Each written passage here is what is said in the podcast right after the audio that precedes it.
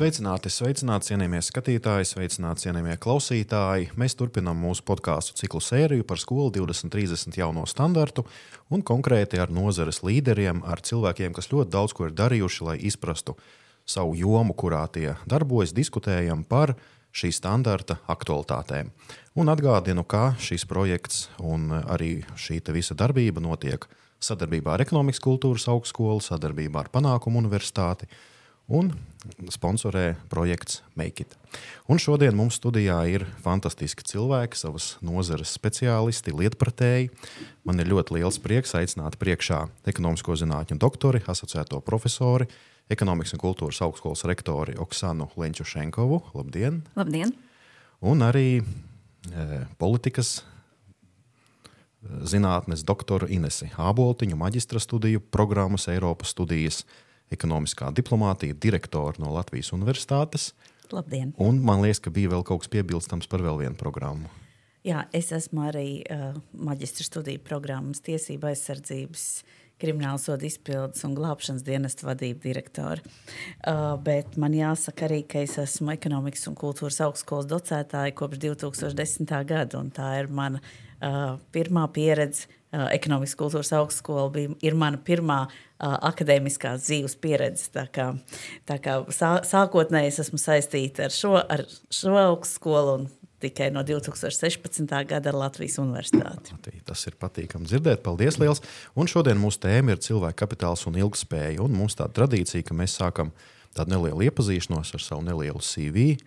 Kā mēs varam pastāstīt, jo mūsu klausās arī skolēni, topošie speciālisti, kas visticamāk domā, cik forši ir būt šādos amatos.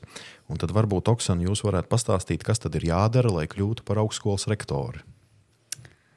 Kā tas viss izveidojās dzīvē? Vai bija tāds mērķis, vai tomēr viss bija pašplūsmā? Un... Godīgi sakot, mērķis kļūt par augstskolas rektoru nekad nav bijis. Tikšu godīgi, kā ir.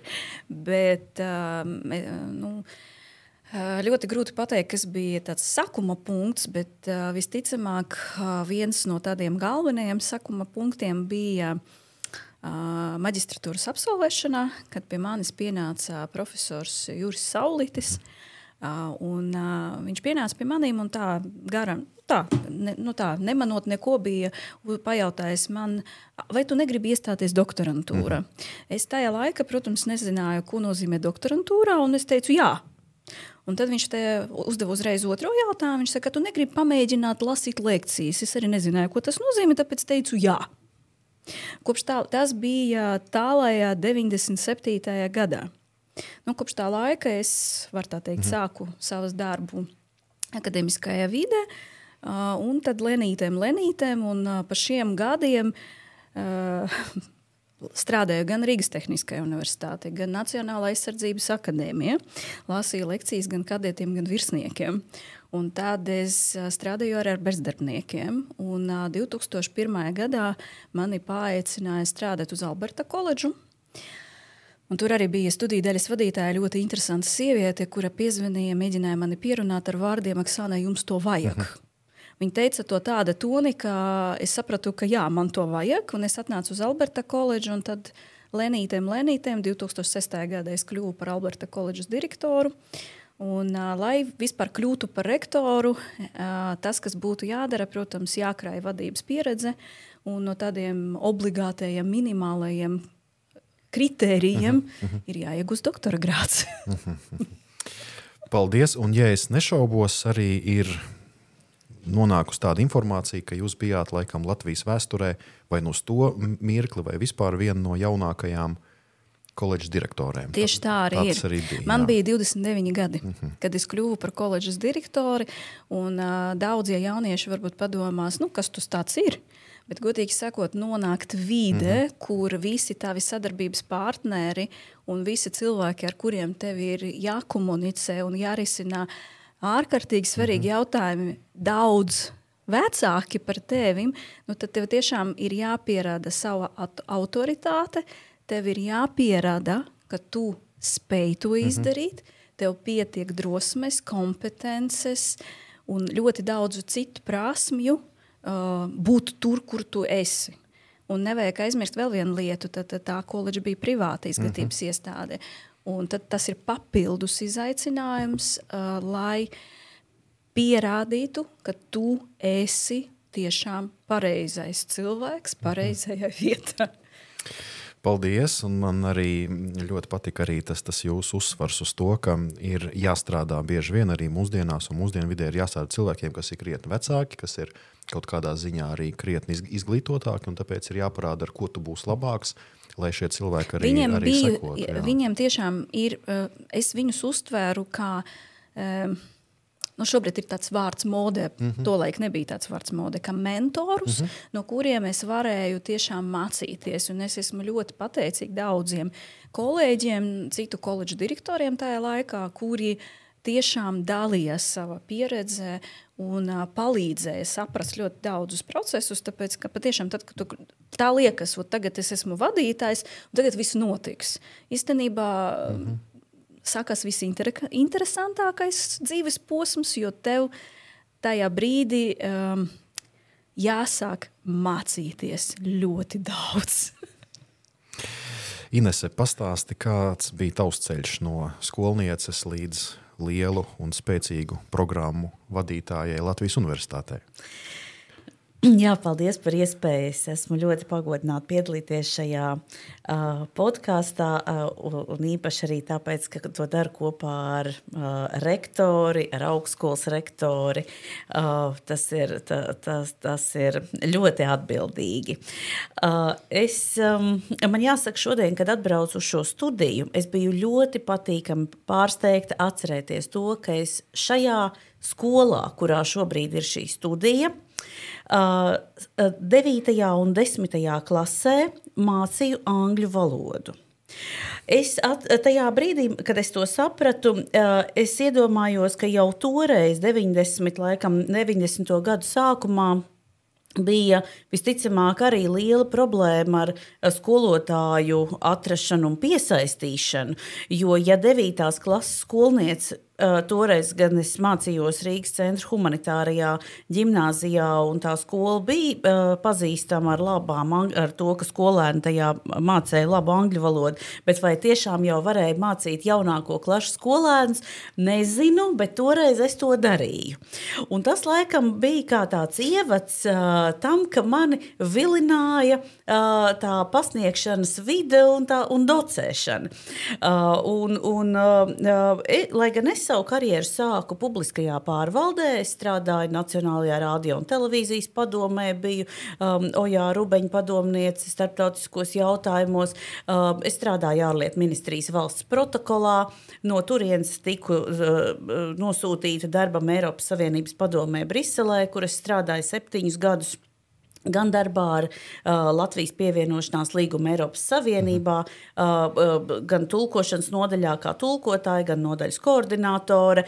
Uh, un, uh, mēs dzīvojām ar, ar ģimeni Briselē, un vienā brīdī es sapratu, ka mans dēls runā tikai franču valodā, un ka, ja es vēlos, lai viņš apzinātos savu latviešu identitāti, mums ir jābrauc uz Latviju. Un, un, uh, mēs to izdarījām. Uh, uh, man bija uh, prieks un pagodinājums un iespēja, ka es varēju pievienoties valsts prezidenta kancelējai tajā brīdī un, un būt par uh, tā laika valsts prezidenta valdes atlētu padomniece laika plānošanas jautājumos.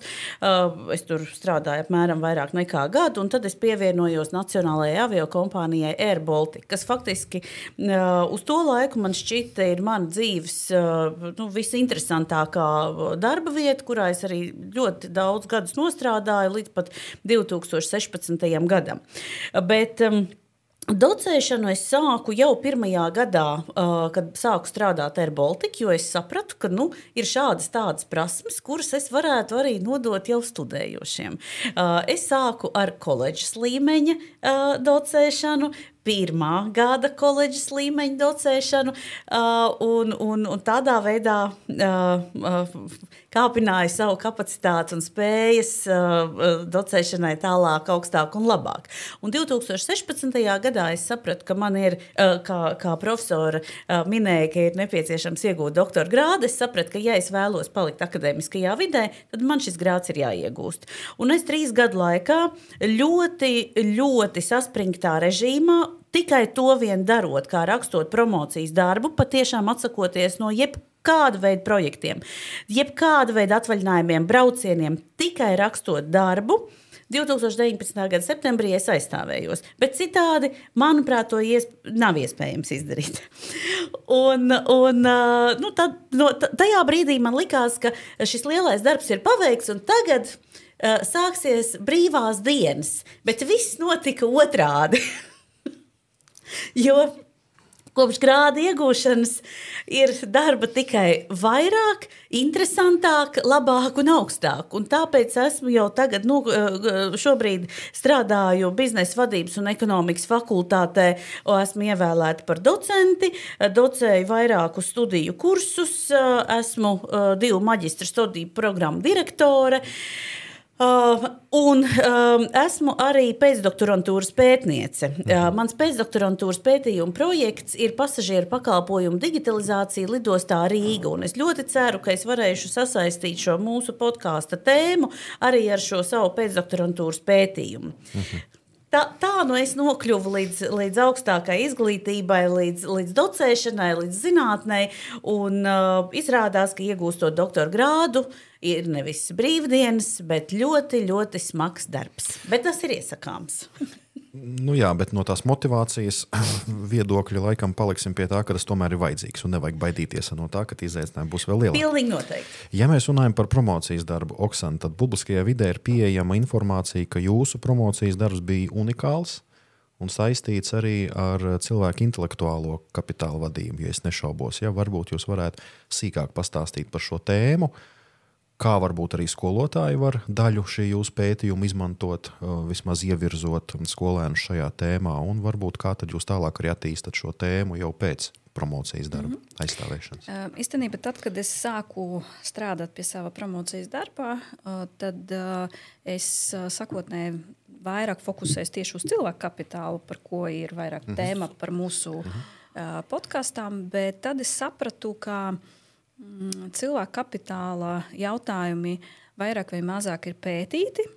Un arī latviešu valoda uz to brīdi bija pietiekami daudz pētījumu par šo tēmu, un arī, protams, starptautiski ir pietiekami daudz tieši pētījumu par cilvēku kapitālu. Protams, par intelektuālu kapitālu, ja mēs paskatīsimies, cik daudz ir pētīts, tad patiešām ir ārkārtīgi daudz pētījumu. Bet šeit, geogrāfiski, atkal paskatoties, visvairāk pētījumu ir Āzija par šo tēmu un Amerikā. Un, ja skatīties atkal par kādu aspektu no intelektuāla kapitāla, tad visvairāk pēta, protams, atdevi no intelektuāla kapitāla. Tātad, kā mēs varam investēt tajā un cik mēs varam nopelnīt investējot. Protams, runā ir tīri par finansiālo atdevi, ne, nav runa ne par kādu citu atdevi. Un tad tajā brīdī es saku domāt, kas vispār ir intelektuālais kapitāls, kā mēs viņu saprotam, kas ir pieejams latviešu valodā. Tad es nonācu pie tāda interesanta secinājuma, ka par šo tēmu latviešu valodā ir uh, pieejams ārkārtīgi maz literatūras. Mm -hmm tieši latviešu. Līdz ar to terminoloģija nav attīstīta, kas apgrūtināja manu darbu rakstīšanu, godīgi sakot. Bet uh, mēs sākam ar manu darba vadītāju ļoti aktīvi studēt, kas tad tiešām ir intelektuālais kapitāls. Mēs uh, pētījām no vēsturiskā aspekta līdz mūsdienām, tad, kā vispār transformējas intelektuālais kapitāls no tā aspekta, teiksim, ka mums uzņēmējdarbībā ir nepieciešami resursi, kādi resursi nosaka konkurētspēju. Ja, tātad, kas ir tas konkurētspējas avots? Un viena daļa disertācijas tiešām ir veltīta tam, kā notika šī konkurētspējīgā resursa transformācija ja, no vienkārša resursa, nu, kā piemēram, kādreiz tā bija zeme, Kādreiz te bija kaut kāda darba rīki līdz intelektuālajam kapitālam. Un tālāk attīstot to domu, kas vispār ir intelektuālais kapitāls. Jo, ja jūs šobrīd pajautāsiet nu, cilvēkam uz ielas un arī kādam mm -hmm. vienam otram profesoram, kas ir intelektuālais kapitāls, visbiežāk jūs dzirdēsiet atbildi, jā, jā, jā, es zinu, tas ir intelektuālais īpašums. Bet intelektuālais īpašums ir mazā, mazā, mazā, mazā, mazā kripatiņa no tā. Tā kā, jā, tajā ziņā uh, disertācijā var redzēt tiešām apkopojumu par to, kas ir intelektuālais kapitāls. Tur iekšā arī ir pētījums par to, kādi faktori ietekmē intelektuālo kapitālu un mūsdienas. Es turpinu arī strādāt šajā jomā. Pētet, pētot jau dažādus aspektus, jā, mums ir bijis pētījums par to, kā, tas, kā intelektuāla kapitāla varētu atspoguļot grāmatvedības uzskaiti, mhm. kā to saprot normatīvajos aktos, terminoloģijā. Un šobrīd es veicu pētījumu arī, kā viens no elementiem intelektuālajā kapitālā ir uh, uzticē, uz, mm -hmm. uzticēšanās, uzticība. Latvijasiski ir ļoti grūti to iztulkot, angliski tas ir trust. Mm -hmm. Šobrīd es mēģinu arī šos aspektus pētīt. Kā tas ietekmē uzņēmuma darbību, uh, sasaistē arī ar vēl vienu interesantu aspektu, uh, ko sauc par kultūras inteligenci. Mm -hmm. Tātad cultural intelligence, trust, un, protams, vēl viens trends mūsdienas tas ir uh, labbūtība un laime. Runājot arī par laimi, eh, gribētos arī piefiksēt to, ka, ja es pareizi sapratu informāciju internetā, jūs esat saņēmusi arī diezgan svarīgu balvu par vienu projektu, kas saucās Laimes sezona, ko jūs realizējāt brīdī, kad laikam teiksim tā, kad cilvēku kapitāls jūsu vadītajā uzņēmumā un varbūt arī nozarē nebija īpaši motivēts, jo bija diezgan grūti Covid laiki. Es tā to saprotu. Ja? Tieši tā tas arī bija. Tad, tad šīs projekts ir parādījies ļoti spontāni. Mm -hmm. Es, tad, kad stāstu, stāstu par to, ka viņš ir parādījies, mēs ar vīru bijām spā mhm. baudām atpūtu. Un vīrs nejauši atveras telefonu, paskatīties Delfi. Mm -hmm. Un tajā brīdī viņš redz, ka rītdien atkal izsludinās lockdown. Viņš mm -hmm. man mhm. par to stāsta. Es viņam saku, ko tu dari? Kāpēc tu bojā man atvaļinājumu? Un tajā brīdī es tiešām saku domāt, ko mēs varam izdarīt, lai nu, pamainītu vismaz noskaņojumu Un tad jā, radās ideja par šo projektu Laimes sezonu. Pagājušā gada rudenī mēs bijām apbalvoti. Ir tāda starptautiska asociācija, Business Management Development Association. Mēs saņēmām balvu kā inovatīvākais projekts. Un tas tiešām ir ļoti nozīmīga balva, kas starptautiski ir atzīts, ka tas ir tiešām unikāls un inovatīvs projekts. Mm. Ne tikai Latvijā, bet arī starptautiski. Varbūt es drīkstu dokumentēt droši. no. no uh, lietotāja viedokļa, Jā. no šī projekta lietotāja viedokļa. Uh, uh, tas vien jau šī projekta nosaukums, saņemot to e-pastā, tas jau radīja ārkārtīgu laimes sajūtu. Jo patiešām tajā laikā ziņas bija. Um, bija tādas nomācošas un, un, un kritiskas. Un tad pēkšņi ienāk ziņa, ka ir uh, tāda, tāda vairāku ciklu uh, sērija, vai, vairāk, vairākas sērijas, vairākas iespējas piedalīties dažādās lekcijās. Um, jāsaka, tā kā tolaik, uh, un arī tagad, protams, tā ir uh, pārsvarā. Uh, uh, tās mūsu darbības, tā kā to ir tik daudz pārklājās, tad nevienmēr bija iespēja noklausīties šīs, šīs lekcijas. Uh, taču taču uh, tā, tieši tāpēc, ka mēs to varējām darīt no mājas, to bija iespējams uzlikt vai, vai kādā no uh, viedierīcēm un darīt kaut ko paralēli citu, bet tā laimes sajūta pulsēja blakus. Līdz ar to tas bija tiešām ļoti, ļoti veiksmīgi izvēlēts projekts īstajā īsajā laikā. Tas radīja tādu patiešām lielu prieku. Pat ja nevarēja piedalīties, tāpat telefonā šis atgādinājums parādījās, ka nu, ir tā laimes lekcija. Labi, bet tomēr jādara bija kaut kas cits, nekas, bet tā laimes sajūta tomēr saglabājās. Tā kā, tā kā šis, šī bija ļoti, ļoti laba ideja. Paldies! Jā, un arī diezgan daudz internetā ir pieejama informācija, tā kā arī ar to var iepazīties. Un, protams, arī skolotāji, kad jūs arī strādāsiet pie šīs tēmas, noteikti ieskatieties arī Oksanas Lenčušenkovas promocijas darbā, kas arī ir pieejams Latvijas Nacionālās Bibliotēkas arhīvā. E, ja mēs runājam tālāk par cilvēku kapitālu, tad skatoties uz valsts attīstības programmām, uz ilgspējīgas attīstības stratēģijām, ir minēts, ka augstskolām jau studiju laikā ir jāattīsta students kā nākotnes cilvēku kapitāls. Nu, varbūt sāksim ar, ar tevi kā programmas direktoru un arī kā mācību spēku. Nu, varbūt kādas metodes tu pielieto, lai jau studentos raisītu izpratni par to, ka viņu vērtība būs tajā viņu cilvēku kapitālā, cik viņi būs konkurētspējīgi. Jā, nu nešaubīgi, ka augstākā izglītība un izglītība kopumā ir. Uh, Tas faktiski viens no retajiem Latvijas eksportiem, kas mums ir. Un mums ir, jeb, jeb, mums ir jācenšas piesaistīt gan mūsu vietējie studējošie, gan ārzemju studējošie, un jārada viņiem šī izpratne par to, cik tas ir vērtīgi ko uh, mēs visi kopā darām. Jo uh, cilvēka kapitāls tas ir cilvēka potenciāls. Tas mm -hmm. ir mhm. tas, ko mēs katrs protam, varam, spējam, zinām un darām. Un uh, viss ir atkarīgs no katra paša. Docētājs, protams, um, uh, iedod maksimāli plašāko informāciju, ko viņš spēj. Bet šobrīd tā studenta centrētā un skolēna centrētā mācības, tas nozīmē to, ka skolēnam un studentam ir pašam ārkārtīgi daudz jāstrādā, lai apgūtu informāciju, lai uh, spētu plašāk saprast to uh, tēmu, kas ir dota.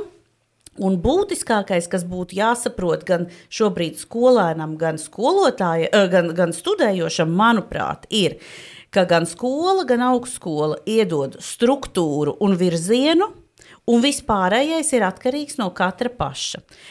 Cik dziļi, cik plaši mēs vēlamies tālāk šo tēmu katrs pats izskatīt. Uh, es domāju, uh, no manas puses tas būtu tā tāds būtiskākais. Es vienmēr orientējos uz to, ka es iedodu struktūru un virzienu, un tālāk uh, studējošais izvēlas pats, cik, cik viņš dziļi šo tēmu skatu un pēta. Mhm. Paldies, skaidrs. Ja mēs tajā pašā virzienā skatāmies, Oksana, jums tas izaicinājums ir vēl lielāks. Jums cilvēka kapitāls ir jāattīsta studentos, mācību spēkos, administrācijā, sadarbības partneros. Cik jums ir kopā, ja mēs tā skatāmies, visa tā pakļautības daļa? Pakļautība ir liela, bet nu, mēs arī pirms podkāstā mm -hmm. nedaudz parunājām, ja, ka viss ir pieredzes jautājums. -hmm. Godīgi sakot, tad, kad tev ir uh, noteikta pieredze noteiktajā jomā, tad to tu neuztver kā kaut -hmm. kāds tāds uh, liels izaicinājums. Tu vienkārši zini, uh, kā to izdarīt. Zini, ir tāds teiciens, um, tad, kad tev ir jāizdara liels darbs, mm -hmm. tad ir tāds foršs teiciens, tāds folkloras, ja var tā teikt. Jā. Tad, tad uh, visvieglāk ziloni apest pa daļām. Mm -hmm. Tad tu saproti, kā sadalīt šo lielu izaicinājumu pa daļām. Un tad pēc tam ar viņu strādāt. Ja mēs atgriežamies pie pamata jautājuma, tad šobrīd ir jāsaprot, ka cilvēka kapitāls, tas, protams, ir gan fiziskas, gan intelektuālas spējas, jebkuram cilvēkam. Un pirms mēs sākam runāt par intelektuālo kapitālu valstiskā līmenī, mums vispār ir jāsaprot, ka cilvēka kapitāls ir analizējams trīs līmeņos. Pirmais līmenis tas ir individa līmenis, jā, kā mēs paši varam attīstīt sevi, ko mēs vēlamies panākt. Jā. Tad, tad tur ir viena mērķa. Tāda ir organizācijas līmenis, Tur ir citi mērķi, kā organizācija vēlas attīstīt organizācijas cilvēku kapitālu. -hmm. Un trešais līmenis, tas jau ir valsts līmenis, kas, protams, iekļauj sevi gan individu, gan uzņēmuma, gan arī -hmm. uh, uh, valsts. Katram no šīm grupām, var tā teikt, nu, -hmm. kurām ir noteiktais cilvēku kapitāls, ir savi mērķi, ko viņi vēlas panākt. Attiecīgi, ir savas metodes, kā attīstīt šo cilvēku kapitālu, bet kopā sadarbojoties, mēs varam panākt labāko rezultātu. Ja mēs runājam no valstiska līmeņa, jo tomēr mēs saprotam, ka mēs mhm, mhm. vairāk gribam parunāt par valstisko līmeni, mēs, jā, tad, šajā, jā, tad šajā gadījumā es gribētu pievērsties varbūt starptautisko organizāciju ieteikumiem, ko, kā viņi redz, tad, tad, kurā virzienā būtu jāskatās. Protams, cieša sasaistē ar izglītības nozari, bez tās mēs diemžēl nevaram. Es gribētu teikt, ka šeit obligāti būtu jāskatās arī zinātnes nozarē, jo, zinātnē, jo bez zinātnes attīstīt cilvēku kapitālu arī nav iespējams. Bet, um, Galvenie, uh, galvenās lietas, par ko būtu jādomā, viena no pēdējām OECD pētījumiem, viņi iesaka fokusēties uz to, lai attīstītu humanitāru, digitālu un pētniecisko prātību visos līmeņos. Absolūti visos līmeņos. Gan sko vidusskolas, gan augstskolas, un pat arī bērnu dārzos, ja tas ir iespējams. Ja? Tātad trīs lietas - humanitāra, digitāla, pētnieciska. Un tad, kad mēs attīstām visus šos trīs aspektus, mēs tiešām varam panākt, ka individs attīsta savu cilvēku kapitālu, organizācija to dara, un arī valstiskā līmenī tas notiek. Kā to izdarīt? Ir pateikšu tikai divas lietas, kam varētu fokusēties. Viena lieta, tas, protams, ir starpdisciplinaritāte. Tas šobrīd ir tāda nu, iet caurvīju starp vairākiem dokumentiem, ka mums šobrīd nepietiek ar kaut ko vienu. Ja? Mums, diemžēl, ir jāzina. Ir kaut ko no tehnikas, ir kaut ko no grāmatvedības, ir kaut ko no psiholoģijas. Nu, patiešām ļoti daudz aspekti. Otrs svarīgs, būtisks, tiešām būtisks moments, uz ko būtu jāfokusējas, tā ir sadarbība bez stereotipiem. Jo, diemžēl, mēs dzīvojam stereotipu pasaulē. Un balstam savus lēmumus, veidojam uzvedību arī balstoties uz stereotipiem, kas nevienmēr ir labi. Un trešais, kam būtu jāpievērš, runājot vēl paturpinot par sadarbību, šeit, ja vajadzēs, es vēl paskaidrošu, liela nozīme ir tā saucamam sociālajam mhm, kapitālam, kas mhm, būtiskākais mhm. aspekts šobrīd ir tiklošanas. Un trešais, tas ir tā saucamo, uh, jāfokusējas uz T prasmēm, ja? neatkarīgi no tā, kurā jomā mēs ar jums strādājam. Kas ir te prasmes, var paskaidrot. Nu, varbūt klausītājiem nu, vajadzētu jā, to jā, paskaidrot. Būtu. Ko nozīmē te prasmes? Tātad, nu, tas ir, var tā teikt, burts te. Mm -hmm.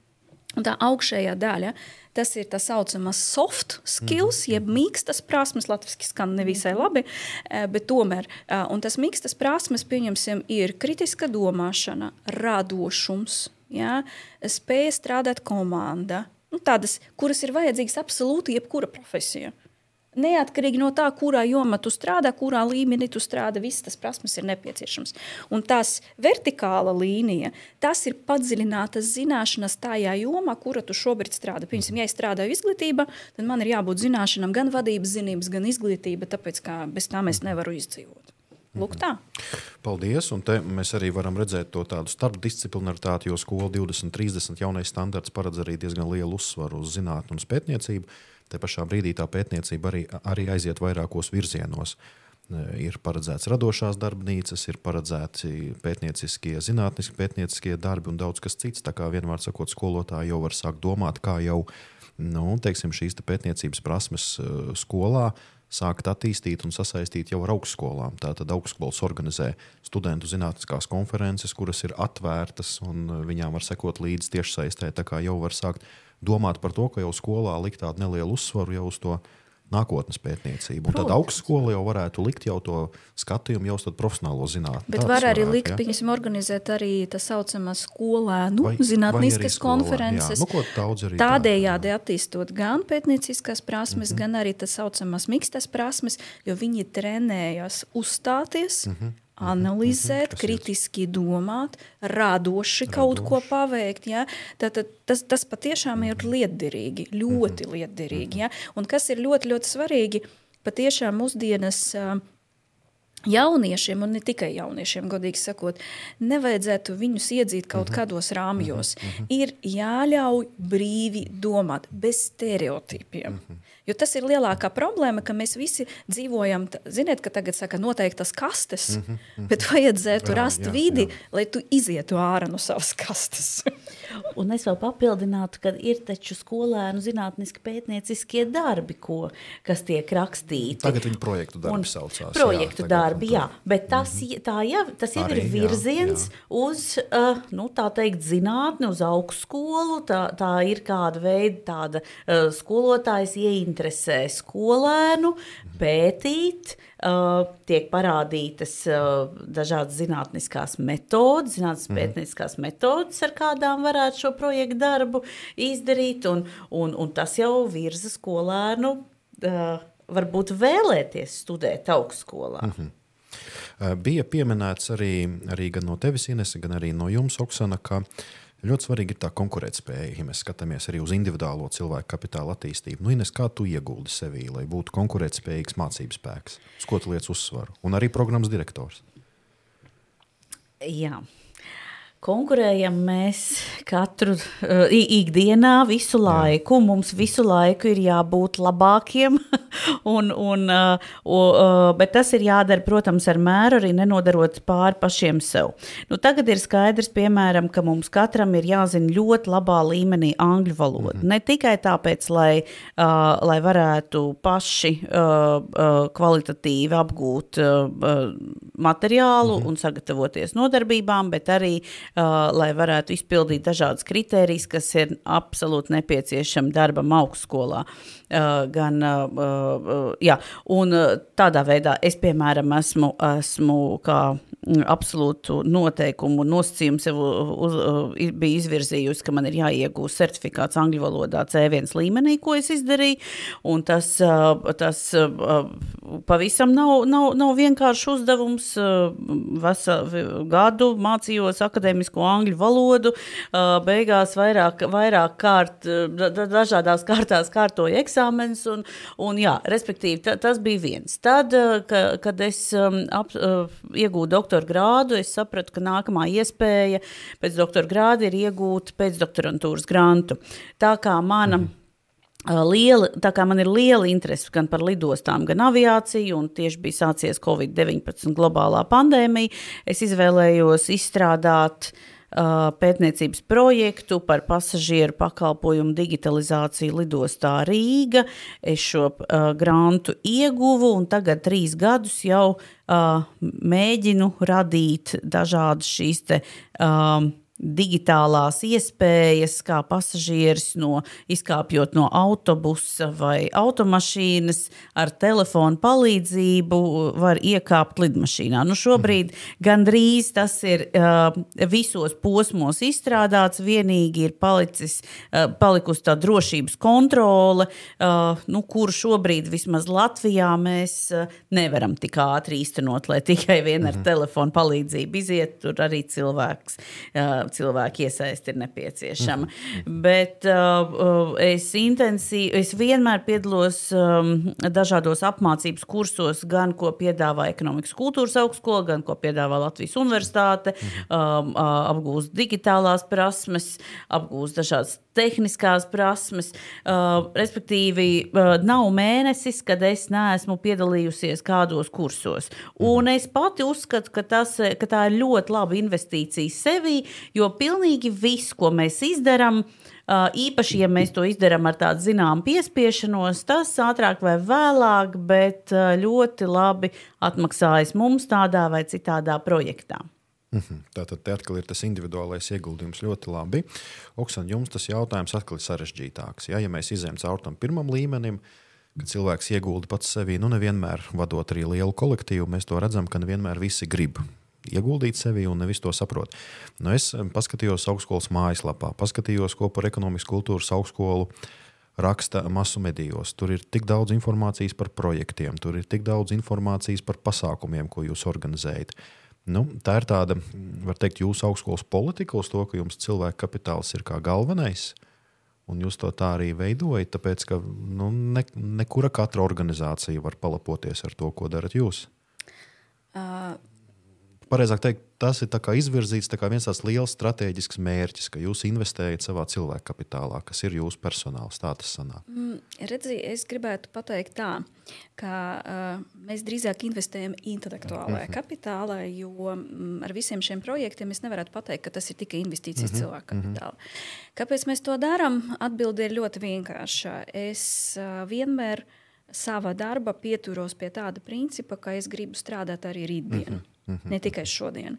Un man ļoti svarīga ir tā saucamā ietekme, ko var uh, dot mans darbs sabiedrībai.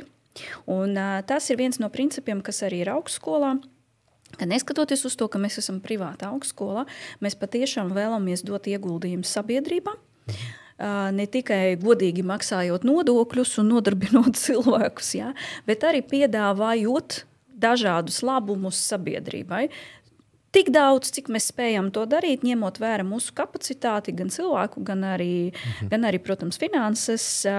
Un šajā gadījumā jā, mēs piedāvājam cilvēkiem ne tikai studijas, ne tikai darbu, bet iespēju tiešām augt, pilnveidoties, un mēs piedāvājam viņiem rītdienu Mhm. Piedāvājam viņiem iespēju strādāt, mhm. studēt mhm.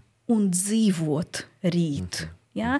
Nedomājam tikai ar šodienu, un tas ir ļoti, ļoti, ļoti svarīgi. Ja pieņemsim, paturpinot to, ko Inese teica, es, kad vādu publiskas lekcijas, un īstenībā tagad arī tad, kad sāku jauno kursu, mans pirmais mhm. slaids, vai pirmais, ko es sāku, tad, kad es iepazīstu ar sevi, kad man, man jautā, kas tu esi, mhm. es vienmēr atbildu, es esmu cilvēks, mhm. es esmu sieviete, es esmu māte, sieva, pareizāk sakot, sieva māte, ja, un tad es esmu profesionālis. Ja mēs runājam par to, kas ir svarīgi man, mm -hmm. lai augtu un attīstīties, tad es vienmēr sāku ar cilvēku, mm -hmm. kas man ir mhm. svarīgi. Un vadītājam, godīgi sakot, tad, kad tu esi vadītājs, pietiekami lielam uzņēmumam, tev vienmēr jāiegulda sevi kā cilvēka. Mm -hmm. Un tā ir veselība, mm -hmm. tas ir sports, mm -hmm. tas ir brīvais laiks, jaunais iespējas, ceļojumi, lai tu nāktu uz darbu, labā garā stāvoklī, smaidot, ja, tev būtu spēks uzklausīt visus. Ja, ar smaidu un pieņemt pareizus un, un, un, un nosvērtus lēmumus. Eh, es vēl tikai gribu pieminēt, es tā arī paskatījos, teiksim, ar informāciju, un jūs arī minējāt par to, ka mm, ekonomikas kultūras augstskola vienmēr mēģina ieguldīt arī sabiedrībā. Tad bija ļoti interesanti, ka jūs ar vairākiem kursiem patiešām bijāt pirmie, kas to darīja, var teikt, tādā Latvijas mērogā. Jo tad, kad sākās pandēmija un eh, bija izsludināts attālināto mācību cikls, tad jūs bijāt tā uzreiz pirmā augstskola, kas izsludināja patiešām veselu lekciju ciklu, kur jūs apmācījāt skolotāju strādāt ar digitāliem rīkiem. Ja, tur... Mēs vienkārši apzināmies mm -hmm. tajā brīdī, cik augstskolai ir pieredze uz to brīdi, kad sākas mm -hmm. pandēmija.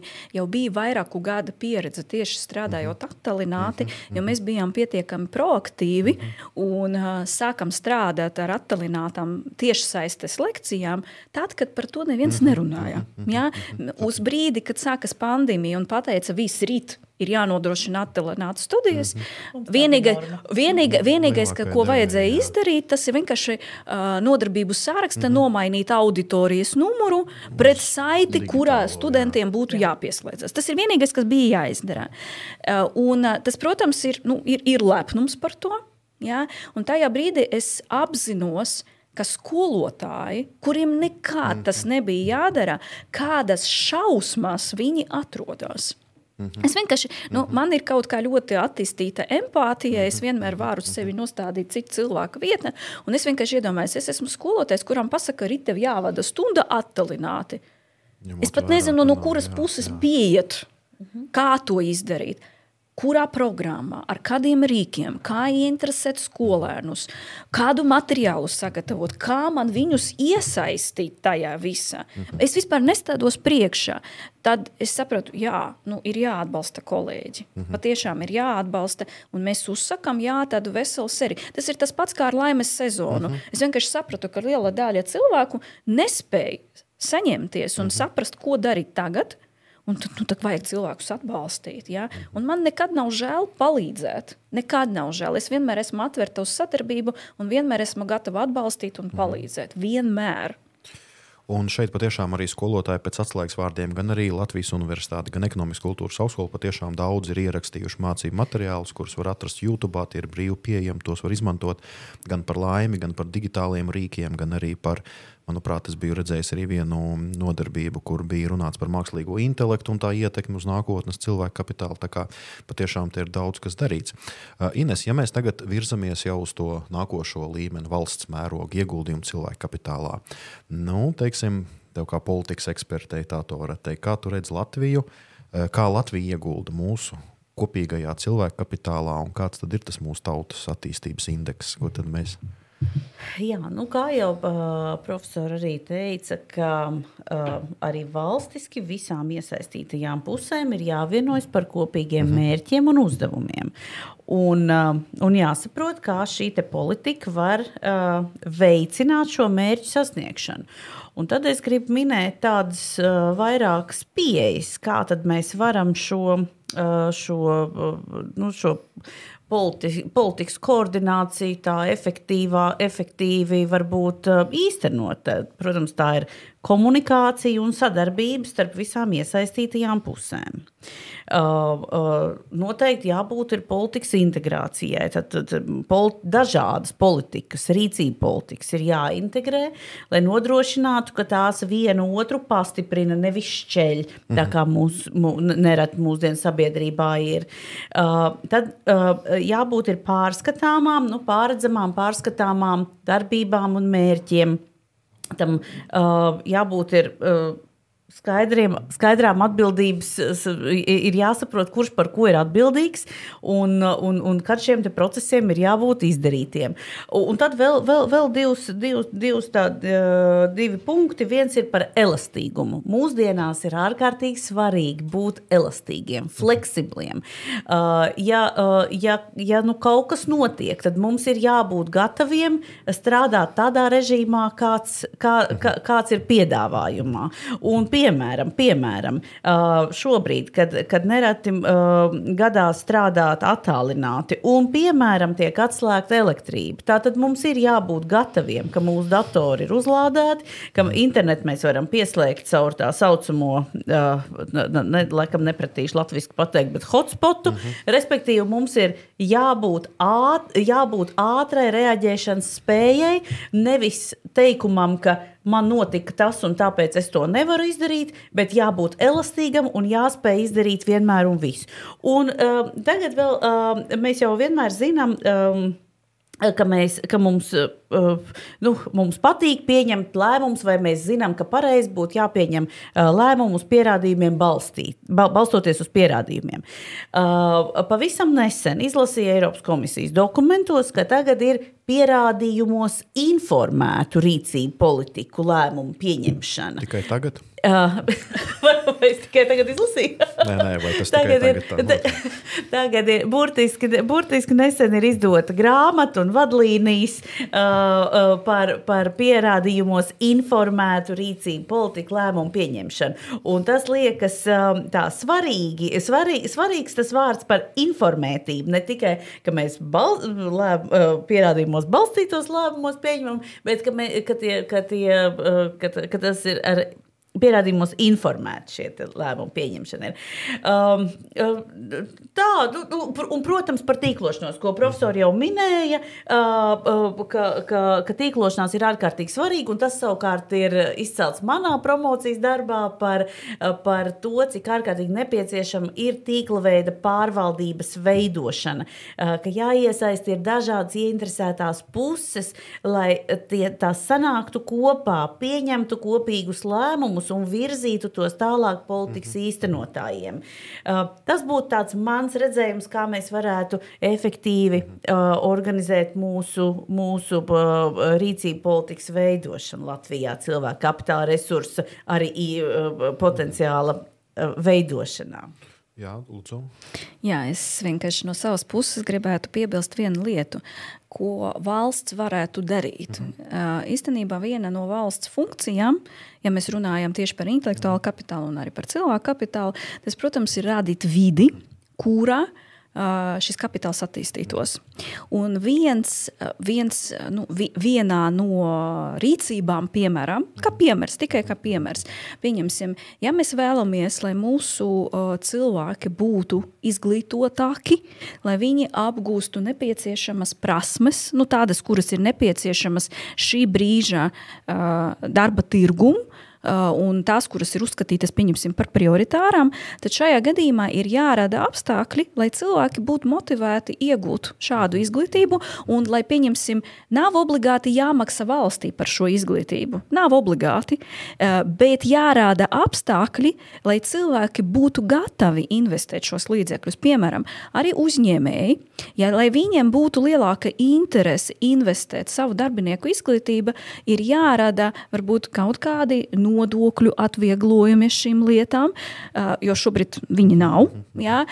Piemēram, arī ir jāsaprot, es teiktu tā, ka nedaudz jāpamaina domāšana, ja? jo mums ir jāsaprot, ka mūsdienas Mēs dzīvojam sasaistītas sabiedrībā, uh -huh. ir iesaistītas puses, un mums ir jāsaprot beidzot, ka viena cilvēka rīcībā ietekmē simtu cilvēku dzīvi. Par to ir jāsaprot. Jūsu arī gadījumā pat tūkstošos. Par tūkstošos, bet es arī varētu pateikt tā, ka par tām pašām investīcijām, ko var veikt valsts, ko var veikt uzņēmums. Jā, ja mēs runājam par investīcijām izglītībā, mēs nevaram pateikt, ka mēs tūlīt varam aprēķināt, pēc cik gadiem, cik miljonus atpakaļ mēs varētu dabūt. To mēs nevaram aprēķināt, bet eksistē interesanta investīciju atdeves aprēķināšanas metodoloģija. Tas ir tā saucamais social return on investment. Un saskaņā ar šo metodoloģiju mēs varam aprēķināt ietekmi kuru rādīja investīcijas. Tas zināmā mērā arī sasaistās ar to, ko mēs makroekonomikā zinām, eh, kā multiplikatīvo efektu, bet šeit mēs aprēķinām labumu, kuru saņem visas iesaistītas puses. Nu, piemēr, vienkārši piemērs. Pieņemsim, ja uzņēmums investē darbinieku izglītībā, uzņēmums tātad investēja, izterēja naudu, tātad tāds, kurš, tas, kurš nodrošina apmācību, viņš ieguva kā ieņēmums, vai ne? Darbinieks, kurš ieguva nepieciešamas pamatprasmes, pēc laika var rādīt lielāku produkcijas vai pakalpojumu apjomu, nodrošinot papildus peļņu. Uzņēmums, ja viņš to peļņu nerinvestē, pieņemsim, ja, viņš samaksā nodokļus, kas ienāk valsts budžeta. Valsts budžets var izmantot šo naudu, lai tālāk finansētu kaut kādas, pieņemsim, sociālas programmas. Mhm. Redziet, nu, es tā kā tikai ļoti, ļoti mazu ķēdīti izstāstīju, bet labuma guvēji no tā ir daudz vairāk nekā tikai viena konkrēta persona, kurai apmaksā studijas augstskolā vai kaut kādu treniņu apmeklējumu. Tas ir vienkārši ir jāmaina domāšanas veids. Ja? Tad, kad mēs visi būsim ieinteresēti savas valsts attīstībā un sabiedrības attīstībā, kaut vai nedaudz, kaut vai minimāli, mēs dzīvosim pavisam citu sabiedrību. Es tikai gribētu arī pieminēt, ka mm, visas šīs idejas un tās domas, ko arī mūsu studijas viesi šodien minēja, ir diezgan labi un diezgan precīzi aprakstīti arī valsts galvenajos dokumentos, ko noteikti skolotājiem vajadzētu apskatīties. Un, e, nu, negribu teikt, zināt no galvas, bet noteikti vismaz galvenos prioritāros virzienus izprast, ko mums nosaka Latvija 2030, ko nosaka Nacionālais attīstības plāns. Jo man liekas, ka ar to viss sākas. Uh, Jo bieži vien mm, arī teiksim, skolu direktori un varbūt arī pašvaldību vadītāji, veidojot savu iekšējo politiku, balstoties uz cilvēku kapitālu, nevienmēr iet līdzsolī ar valsts galvenajiem mērķiem un plāniem. Tas tā kā būtu. Eh, ja mēs skatāmies no Latvijas universitātes viedokļa, kā jūs varētu definēt Inese tieši šo Latvijas valsts zinātnes politiku? Vai tā jūs apmierina? Un kā tad mums īsti ir? Jo skatoties rīta panorāmā, es bieži vien dzirdu ļoti daudz fantastiskus piemērus, ka mēs patiešām esam radījuši unikālus produktus, bet man personīgi liekas, ka mēs varbūt nemākam to sasaistīt ar biznesu. Kāds ir jūsu personīgais viedoklis? Kā attīstīt, vai vajag zinātniekiem attīstīt arī uzņēmējdarbības iemaņas, vai tomēr tas ir jāvirza savādākā ceļā?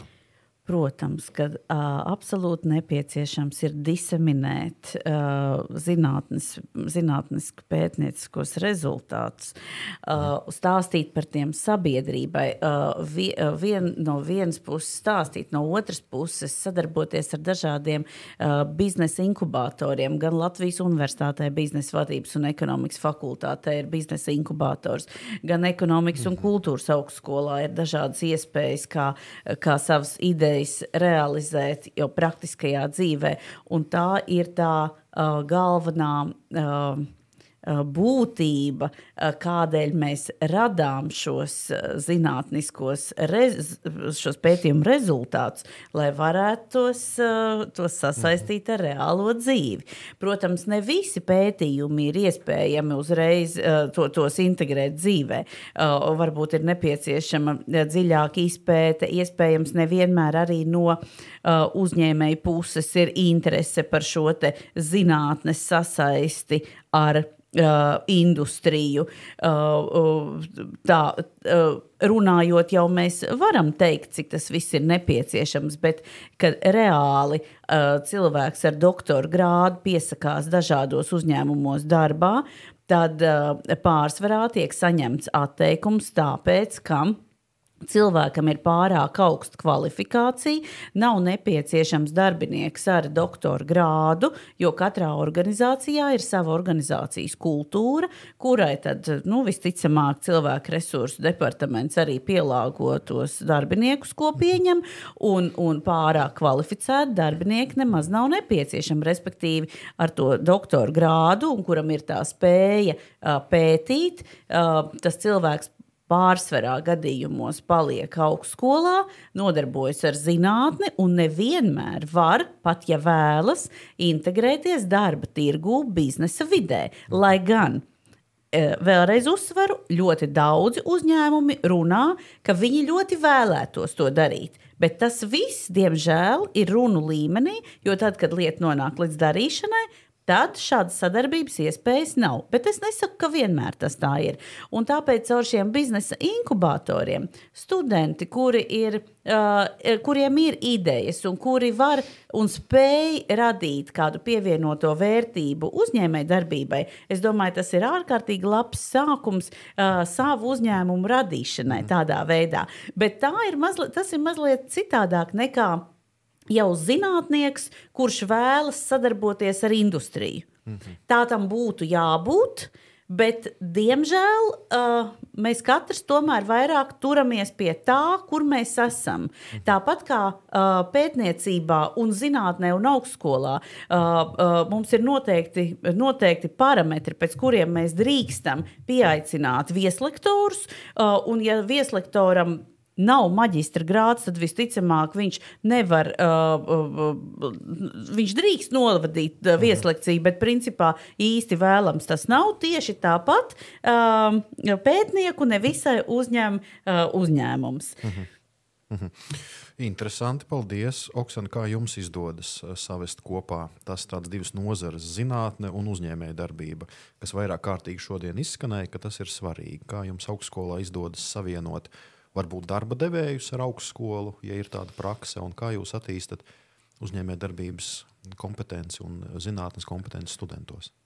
Nu, es teiktu tā, ka viena no uh, kā lai saka, viens no darbības principiem augstskolas programmā, tad, tad tas ir pētniecība balstītas studijas. Mm -hmm. Ko tas nozīmē? Ka studiju procesā studentiem ir jāveic pētījumi. Mm -hmm. Protams, mēs nerunājam par fundamentāliem pētījumiem, -hmm. tur ar padziļinātām analīzēm, bet tas vairāk ir vērsts uz to, ka studentiem tiešām ir jāprot pētīt.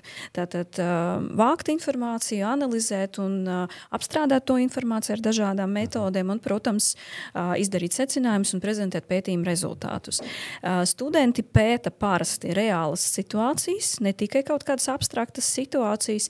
Ir arī speciālie projekti, kuri ir augstskola, kad studenti strādā pie jau komersantu idejām, kas arī ļoti pozitīvi darbojas. Bet šeit ir jāsaka tā, ka mūsu komersanti nedaudz tādi, kā lai saka, viņi kautrējas. Kūtri, jā, jā, kūtri, jā, viņi kautrējas.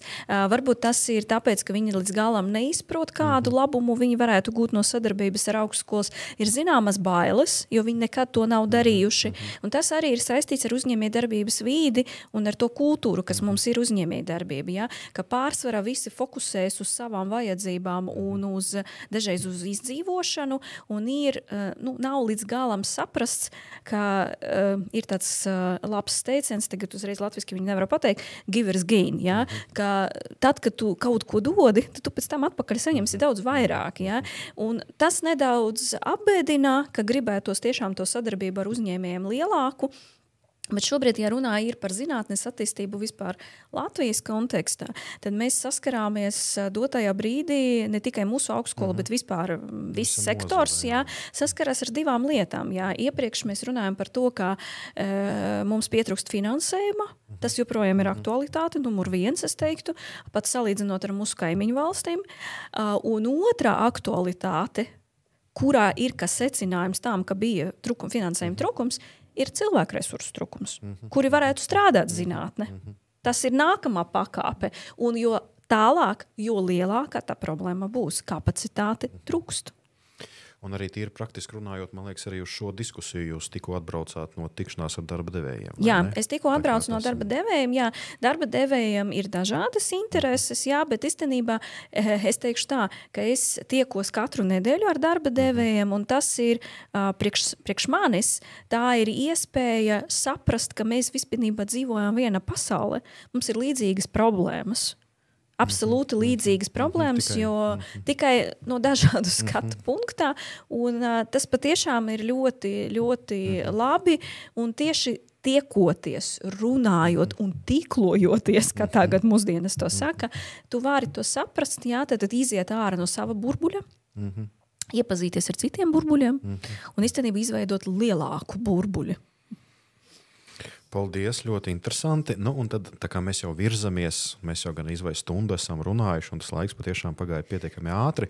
Ja mēs virzamies uz nobeigumu, Inese, šodien vairāk kārtīgi izskanēja tāds vārds kā kompetences, bet eh, tādas konkrētības īsti nebija. Varbūt tu vari nosaukt trīs mūsdienīgas kompetences, kas ir nepieciešamas cilvēka kapitālam vai cilvēkam, lai mēs nākotnē vai tuvākajā nākotnē būtu ilgspējīgi. Vai trīs iemaņas var arī tā saukt?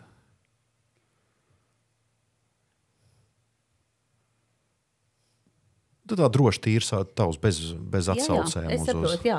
Uh, vēlēties mācīties. Pašmācība, jā.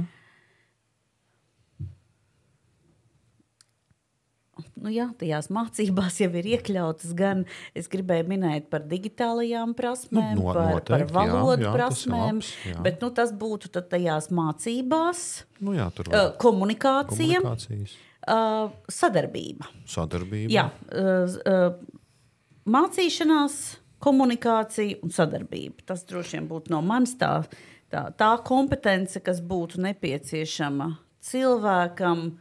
Uh, kontaktējot ar, ar citiem cilvēkiem, un vispār, bū, v, v, lai, lai, lai varētu būt sabiedrības daļa. Mhm. Paldies, un no jūsu skatu punkta, Oksana, trīs kompetences. Uh, nu, Varbūt vairāk, tad, ja jums bija kā tā, teiksim, tā kā cilvēkam, tad jums varbūt tā kā vadītājam, jo tad, tas būtu tā interesantāk. Ok, vadītājam ļoti labi. Eh, Es teiktu tā, uh, izpratne par to, ka cilvēki ir dažādi. Mm -hmm. Plašākā mm -hmm. kontekstā, tātad tiešām tās dažādības akceptēšana. Mm -hmm. uh, otrais, kas ir ļoti, ļoti svarīgi, ir kritiska domāšana. Mm -hmm. uh, patiešām kritiski analizēt. Jā. Un uh, trešais, kas ir uh, nu, ļoti, ļoti svarīgi tiešām vadītājai, tas ir būt balansa. Tātad spēja rast līdzsvaru starp uh, darbu un privāto dzīvi. Tāpēc, ja tu nerūpēsies pats par sevi, tu nevarēsi parūpēties ne par saviem padotājiem, ne par saviem tuviniekiem. Un par to obligāti vadītājiem ir jādomā. Tātad vadītāja well-being tas ir prasme numur viens. Paldies, liels! Man liekas, ka ļoti lielisks nobeigums. un Man liekas, ka šodienas saruna arī patiešām bija gan eh, zinātniska, gan praktiska, gan kaut kādā brīdī arī emocionāla. un Tas, man liekas, arī ir tas pats galvenais. Man liekas, ka no šīs sarunas skolotāji eh, patiešām varēs paņemt ļoti daudz faktus, bija nosaukt ļoti daudz pētījumu, bija nosaukt ļoti daudz nepieciešamās informācijas attiecībā uz kompetencēm un iemaņām. Un arī skolēni, kas mūs klausīsies, arī sapratīs, kādā virzienā strādāt. Teikšu milzumu lielu paldies mūsu šodienas studijas viesiem, ekorektorei Oksanai Lenčenkovai. Paldies, paldies Paldies. jums liels, lai veicās. Un paldies arī Inesei Āboliņai. Paldies! Paldies! Un lai arī jums veicās, paldies! Un paldies arī cienījamie skatītāji, paldies, cienījamie klausītāji! Tiekamies jau nākošajās sērijās. Atā!